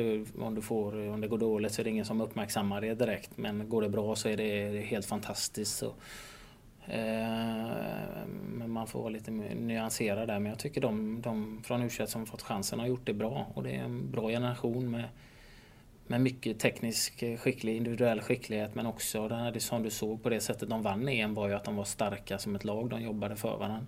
Så att, och det är otroligt viktigt och kanske Håkan också hade väldigt mycket eh, eh, liksom, ja, vad ska man säga, betydelse för det. Att de fungerade tillsammans och gjorde det väldigt, väldigt eh, svårt för motståndarna och jobbigt för motståndarna. Men de som har kommit upp har gjort det bra och det kommer säkert fler som får, får chanser och från, från u som eh, kommer ta plats. Det blir spännande att se EM-truppen men det är ju några som redan har tagit sig fast in i, i, i truppen. Det är ingen snack om den saken. Sen är det väl några som knackar på dörren där som kan komma in istället för några av de här som har varit med ett tag som kanske är på väg ut. Då. Om du ser på, du var ju med när eh, Erik Hamrén gjorde mästerskapsdebut eh, EM 2012. Vad tror du är de viktigaste lärdomarna för honom till eh, nästa EM då 2016? Alltså, ja, eh, allting runt ett EM, hur det fungerar, hur det är uppbyggt. Alltså, jag tycker inte Erik kunde ha gjort någonting annorlunda där egentligen. Eh, marginalerna lite emot sig eh, hade Sverige sett eh, tuff, tuff öppningsmatch mot hemmanationen och man, man leder ändå matchen men vänder då på misstag men det, det är ju svårt. Det är ju liksom ingenting som man kan lasta Erik för. Sen gör han lite försök, byten och även i, mot England där vi, vi ändå gör en ganska bra match. Vi har skott som tar på, på en av våra spelare och ställer Isaksson. Jag menar det. Marginalerna var inte riktigt med oss. Jag tycker två av tre matcher gör vi väldigt, väldigt bra. Eh, inledningsmatchen där kanske men eh, så att, alltså, jag tror säkert Erik och de som var med, alla de som var med då, man lär sig ju av ett mästerskap. Men jag, det är inte så att eh, Erik ska göra någonting helt annorlunda nu. Jag tycker förberedelserna inför och under var, eh, var väldigt bra. Han är väldigt noggrann, Erik också, med allt liksom med kost och, och vila och, och, och allting. Så att jag, jag tycker inte han kunde ha gjort någonting direkt annorlunda där heller. Du vet ju i grund vilken trupp det är som har spelat Sverige till EM. Vilka förändringar hade du gjort? Hade du tagit in en Jonas Olsson eller en Oscar Wendt? Och... Nej, alltså jag vet inte. Det är, det är så svårt. Man har ju alltid, alla tycker ju olika om olika spelare. Och man är partisk med en sån som Oskar Hiljemark som har spelat, jag har spelat ihop med naturligtvis, men då är jag ju partisk. Men det är klart att jag, det är ju en spelare då, en Elfsborgsspelare också, så man är ju väldigt partisk med som, som jag tycker har kapacitet och bli en framtida eh, A-landslagskapten till och med. Så att han skulle jag jättegärna, jag skulle bli väldigt glad om han kom med i truppen. Men han är väl en av de som ligger på gränsen. Väldigt många inne i mitt fält här. Då, då Lewicki som kom in, Ekdal och Kim är de som har spelat mest. Eh, Rasmus Elm som eventuellt Joker som en av Sveriges mest talangfulla spelare och Wernbloom som har varit med där länge. Eh, så att det kan, kan ju bli tufft. Gustav Svensson som kom in och gjorde, eh, gjorde väldigt bra i IFK förra året och som har gjort några, några landskamper och gjort det ganska bra. Så det, det, är ju tuff konkurrens där men han har ett stort register tycker jag både defensivt och offensivt, eh, Oskar. Eh, så att jag har varit väldigt glad om han kom med. Men nej annars, Erik har ju betydligt bet bättre koll på spelare utanför och de han haft med än vad jag har. Jag eh, ser landskamperna men han ser otaliga matcher och har sin, sin ledarstab som ser matcher med spelare. Så att de, har, de har nog bra koll. Sen kan man ju inte bara ta ut de 23 spelare eller vad det nu är som är bäst. Det ska fungera som en grupp ihop också. Det vet man ju om man räknar med. Ja, hur viktigt är det? För det, är Nej, men det, det, det är ju viktigt. Det, eh, du ska ha en grupp som fungerar ihop och som... Och man måste ju ha med spelare som på något sätt kan acceptera att det blir noll minuter. Det är ju många eh, tränare som liksom har pratat om det. Kan, man, kan den här spelaren acceptera att det kanske blir noll minuter under liksom en månad då man är samlad? För det är inte helt enkelt. Alla spelare är, liksom vill ju spela och vill vara med. Man känner sig inte riktigt lika delaktig när man inte gör det. Så den, du måste ju hitta en sammanhållning i gruppen. Så det kan ju vara att en spelare som rent individuellt skulle ha varit med men kommer inte med för han har inte det mentala liksom, att vara en del av gruppen och inte få spela. Liksom. Så att det är många aspekter men det är någonting som Erik och, och de övriga ledarna naturligtvis jobbar med. Om du tänker på dina mästerskap, du gjorde många mästerskap. Var 2006 det mästerskap där det funkade sämst i gruppen? Att det... Nej, det vet jag inte. Jag tyckte det fungerade ganska bra. Det var bara jag personligen som hade det jobbigt i sådana fall. Men annars fungerade det nog ganska bra tror jag. Det var väl en bra, bra grupp. Eh, så att, eh, nej, det vet jag inte. Om du tar ut en eh, startelva mot Irland, hur, vilka elva spelar då?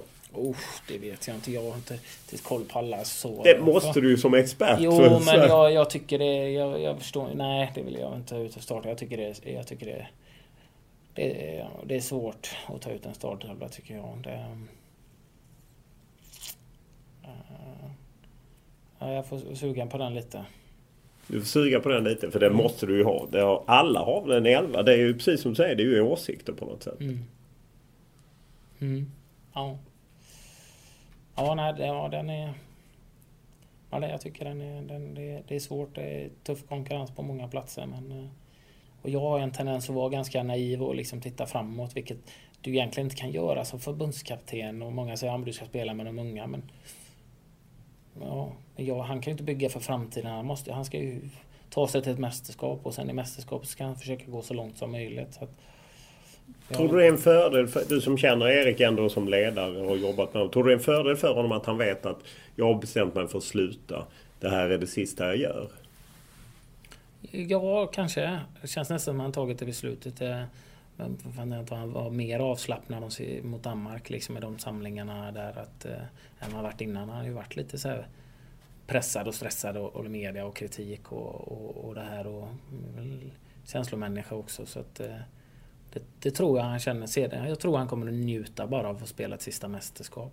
Och det tror jag kan vara väldigt, väldigt bra för hela sammanhållningen med, med gruppen och liksom träningar och möten och allting att han är ganska avslappnad. Detta är det sista du ska bara njuta av en sommar liksom med landslaget.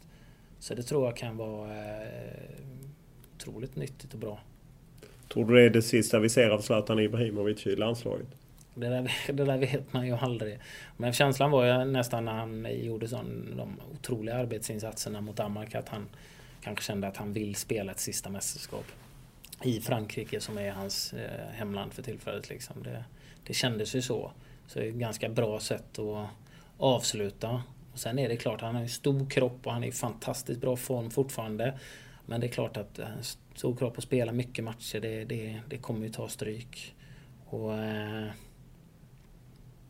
man vet ju aldrig med honom. Han har ju en enorm kvalitet så han skulle ju fortfarande tillföra någonting. Sen är det om man har den motivationen. Jag tror det känns ju, känslan är att när han brinner för någonting så är han ju, då höjer han sig liksom upp till den nivån som ingen annan är nära. Och då, Frågan om han har motivation att fortsätta för det, det är två år till liksom innan ett mästerskap som också kan bli väldigt, väldigt tufft att nå om man tittar gruppen som han lottades i. Vad tror du om Janne Andersson som ny förbundskapten? Eh, ja, eh, första spontana var liksom, jag, jag, jag gillar han för han verkar vara rätt rak och ärlig, vilket jag har sagt tidigare att jag uppskattar. Eh, han vill att alla ska jobba för varandra. Liksom. Han är rätt tuff och verkar inte ha några problem att ryta till liksom, och säga ifrån om det är någon inte liksom, gör jobbet eller man inte ställer upp för laget. Så att, eh, det har jag alltid gillat han. Sen, så, min uppfattning har varit att han lite samma det här eh, typiska svenska då. Eh, lite teoretiska tränare som har gått tillsammans i samma utbildning samtidigt och det går runt och man byter jobb med varandra som i Allsvenskan och det här. Att man skulle våga bryta mönster lite grann med någon som har lite nyare, kanske modernare i sig idéer så men Sen vad jag har förstått vad jag läser, han kanske har väl inte han gått det här GH och det, utan han är trots allt lite e- egen och lite nytt och Norrköping spelar ju en otroligt bra fotboll. Dels är de väldigt, väldigt bra men jag tycker de är roliga att titta på. De spelar en bra fotboll.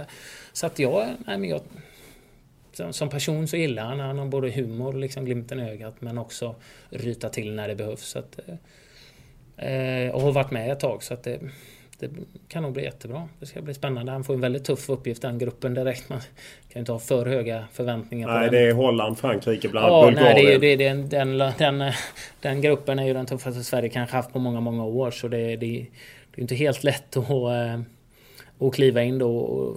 Förväntningarna bör ju vara därefter. Jag vet att redan när Lars Lagerbäck slutade så ville du gärna ha in Henrik Larsson som förbundskapten och liksom att man skulle ta hjälp av honom. Är det fortfarande en som du hellre hade sett?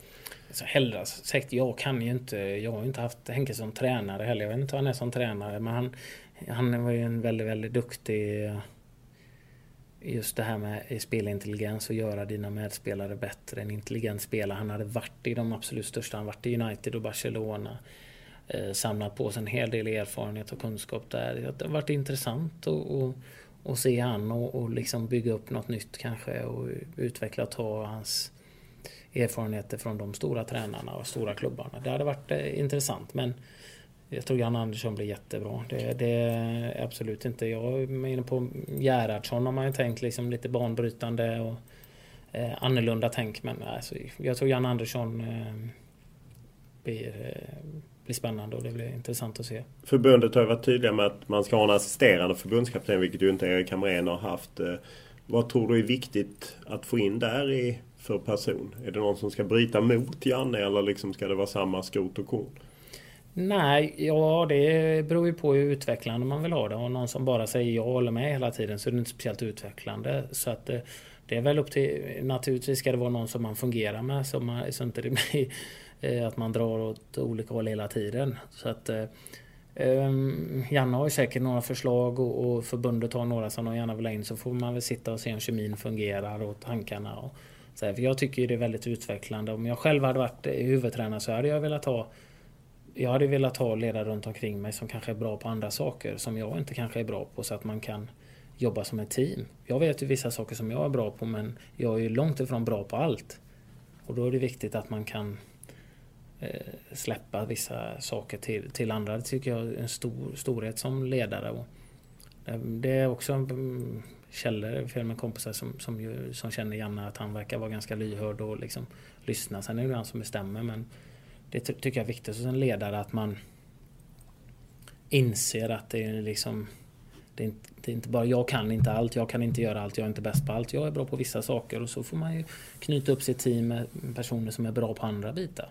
Och så tillsammans blir det en, en, en väldigt bra. Det som man har hört dem eh, prata en del med Klas eh, om Tommy Svensson och Tord Grip. De, Claes Ingesson då helt enkelt. Ja, Claes Ingesson. Och pratar ju mycket om att eh, Tord Grip var väl kanske den som var fotbollshjärnan. Men Tommy Svensson var ju helt otrolig på just det här med att veta människorna och få människorna att fungera tillsammans. Vilket är otroligt viktigt som ledare i fotbollslag framförallt. Eh, eh, och den kombinationen var ju otroligt framgångsrik. Tommy och, La och Lasse Söderberg Lagerbäck alltså var ju också lite så. Tommy var ju otroligt mån om människan, att man ska hitta på saker och ha roligt tillsammans. Och, och, och det här att känna av hur människor mår och, och sådär. Medan Lasse var mer taktiker. Och, som också en kombination som fungerar väldigt bra.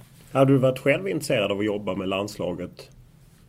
Ja, ja absolut. Det, det hade jag absolut varit. Vad hade du velat ha för roll då? Central mittfältare? Nej, det vet jag inte. Det, det, det, det, vet jag inte men eh, det är klart att det har varit roligt att vara en del av ett ledarteam liksom i runt där och jobbat med fotbollsbitarna naturligtvis. Är det någon diskussion du har haft med förbundet? Nej. Nej. Är du förvånad att de inte har hört av? Nej. Du eh, har ju ofta haft eh, mycket idéer om svensk fotboll. Vad, vad, tycker du är viktigast för att ta svensk fotboll framåt? Jag, jag tycker ju att vi behöver jobba. Vi pratar om att vi inte kan komma ikapp rent tekniskt och passningsmässigt och sådär med, med Spanien och så vidare. Man ska jobba med det här svenska som lag och det tycker jag är jätteviktigt.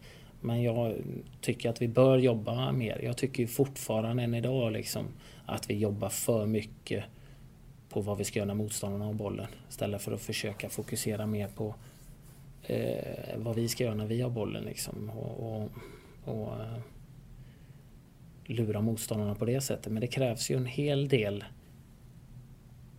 ja, vad ska man säga, spelförståelse. Liksom, det är lite som schack. Liksom. Eh, när man har övningar. Det, ju, det, går inte att ha allting styrt att när bollen är där ska vi löpa så här. Utan man vill ju försöka dra med sig en motståndare för att, för att se om man kan lura motståndaren, möta och skapa en yta för någon annan och hitta, hitta hål. Och, eh, det finns mycket man kan jobba med där men det, det, då är det viktigt att man får in tränare som har den spelförståelsen och den kunskapen och det är svårt att läsa sig till.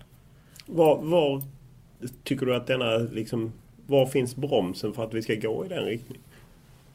Jag tror de flesta svenska tränare som, som är, om man tittar svenska tränare så är det ju de flesta i. Jag har ju, har ju gått ut de här utbildningarna tillsammans. Det är min amatörmässiga kanske känsla så är det ju lite grann att de är lite samma, skrotkorn, har gått samma utbildning. Många av dem är ju teoretiska teoretiskt försvarsspel kan du ju lära dig teoretiskt liksom medan alltså anfallsspel är mycket, mycket mer komplext och, och svårt. Ja, du kan ha färdiga eh, linjen när bollen är där så ska du löpa, eh, möta med första forward och andra forward ska löpa ner med, så man har två, tre spel uppspelsvarianter liksom och det är så många jobbar. Men eh, just att se, se situationen och då tror jag du behöver en extrem... En, den enda egentligen tränare som jag haft som haft det, det är ju Peter Wettergren.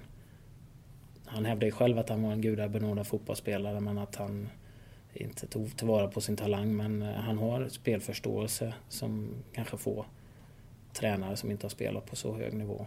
Henrik Larsson har ju det naturligtvis där han som fotbollsspelare fantastiskt. Så det ska jag tänka mig att han ser saker och kan även gå igenom under matcher och visa klipp.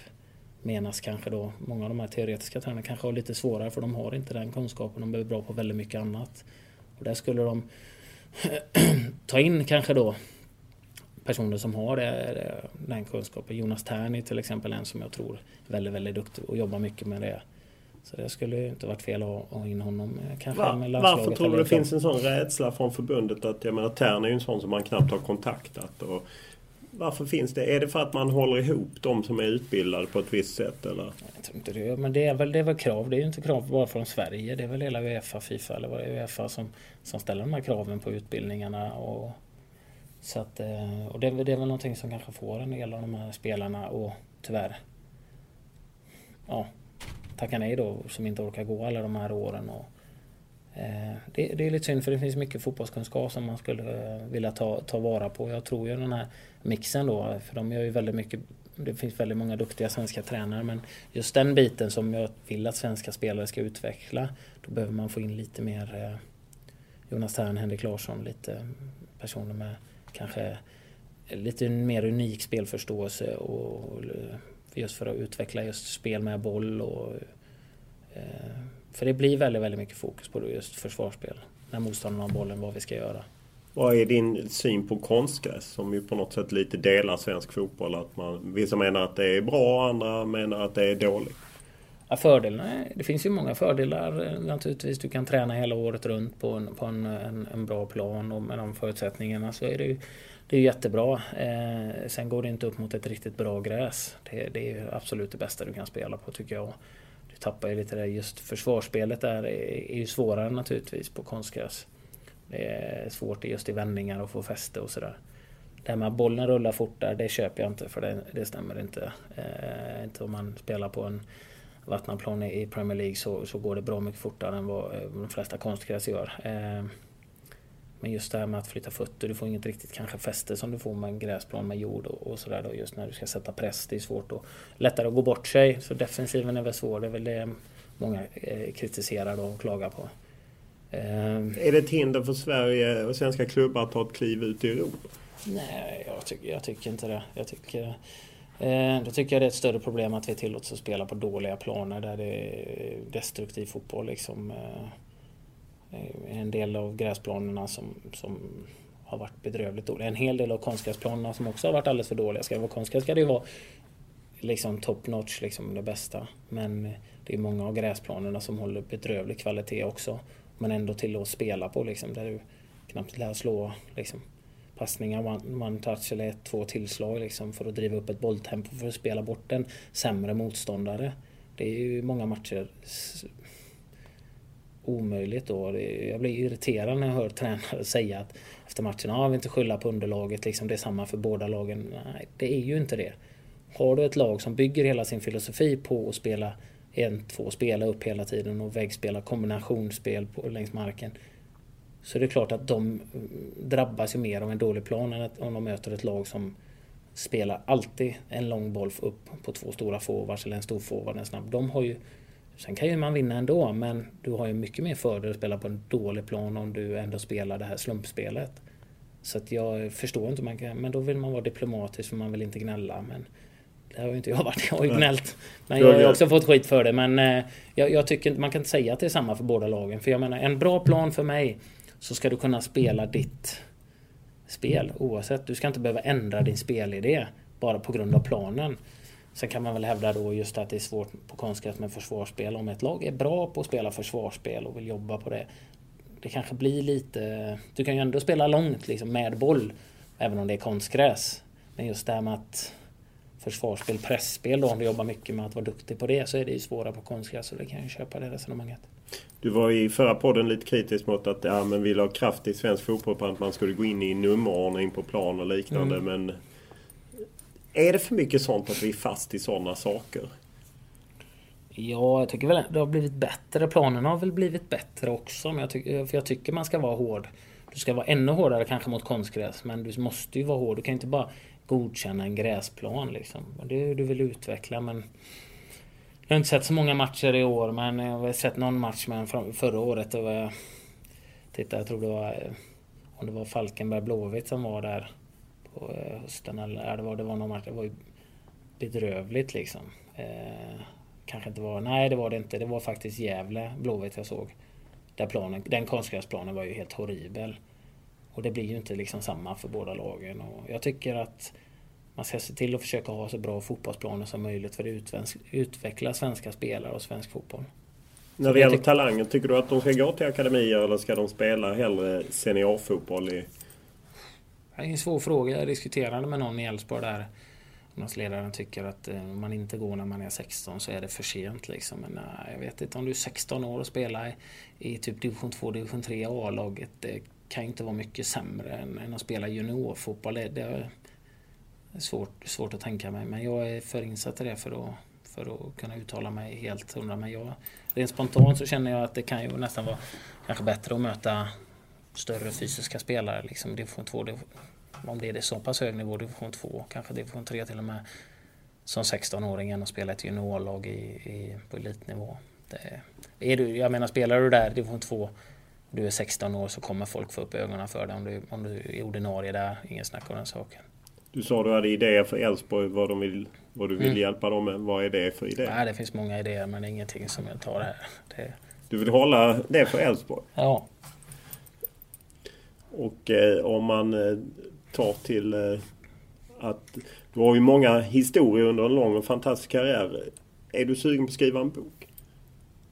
Jag tror inte det skulle bli så intressant. Varför inte? Jag menar bara den historien som jag läste på Gusten Dahlins Twitter om Gordon Strachan och Anfield och du kastade jackan på dig för att du hade sagt att du var Liverpool-fan utan att vara det. Eh, och du fick inte spela tror jag. Hur nu var det korrekt? Nej, jag spelar men jag blev kallad för Liverpools bästa spelare i paus och fick en jacka i ansiktet. Och jag var trots allt nöjd med min första halvlek. Men vi var utspelade. Han skällde ut allihop då. Vi hade mött Liverpool några dagar innan och vunnit och så hade jag väl i någon intervju, jag vet inte varför, men jag sa att jag tyckte det var roligt att slå Liverpool för jag brukar hålla på dem lite. Vilket jag egentligen inte gjorde. Min storebror gjorde det. Man hänger ofta med sina stora syskon sådär. Så att jag tyckte väl om Liverpool. Det var lite häftigt. Så mötte vi dem några dagar senare och var ju överkörda i paus då. Då skällde han ut alla och jag fick den. Så- Han var speciell som tränare. Jag, jag menar, tänk på alla sådana anekdoter och stories och Jo men man får, man får släppa ganska mycket eh, saker och sådär. Jag vet inte om det skulle vara så. Jag vet inte om jag är... Jag är lite sådär halvtråkig kanske. Jag tror inte jag har varit med om sådär. Men jag har spelat i Allsvenskan och jag vet inte om jag har sådär. Ja, men du har varit med fyra år i Premier League. Ja. Många mästerskap. Eh, ja. Spelat med många stora spelare.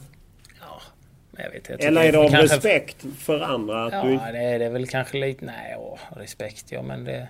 Ska man säga saker så återigen så behöver man in påverka relationer liksom kritisera ledare eller...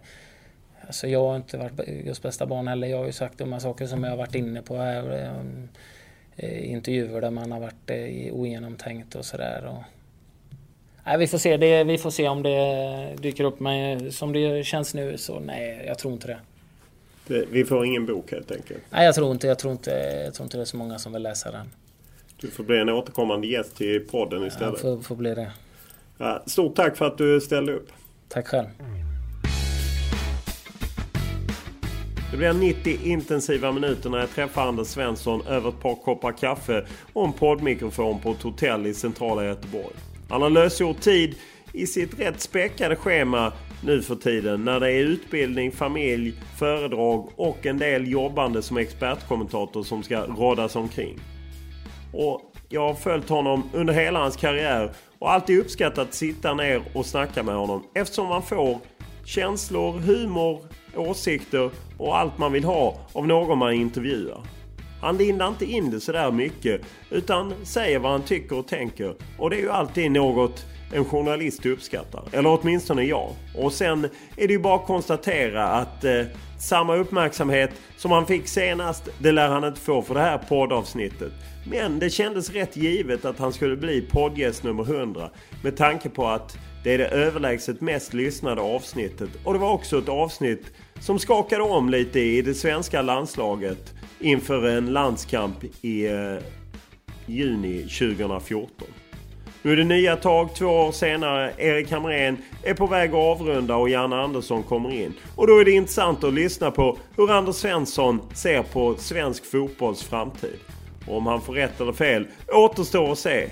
Men eh, podden kommer rulla vidare och eh, det blir nummer 101 och vi jobbar lite på ny musik till nästa avsnitt eh, 101 och en del annat. Och har ni mer åsikter så är det bara att komma med dem till olof.lund.tv4.se eller Twitter Olof Lund ett ord eller Instagram Olof Lund ett ord. Tack för den här veckan.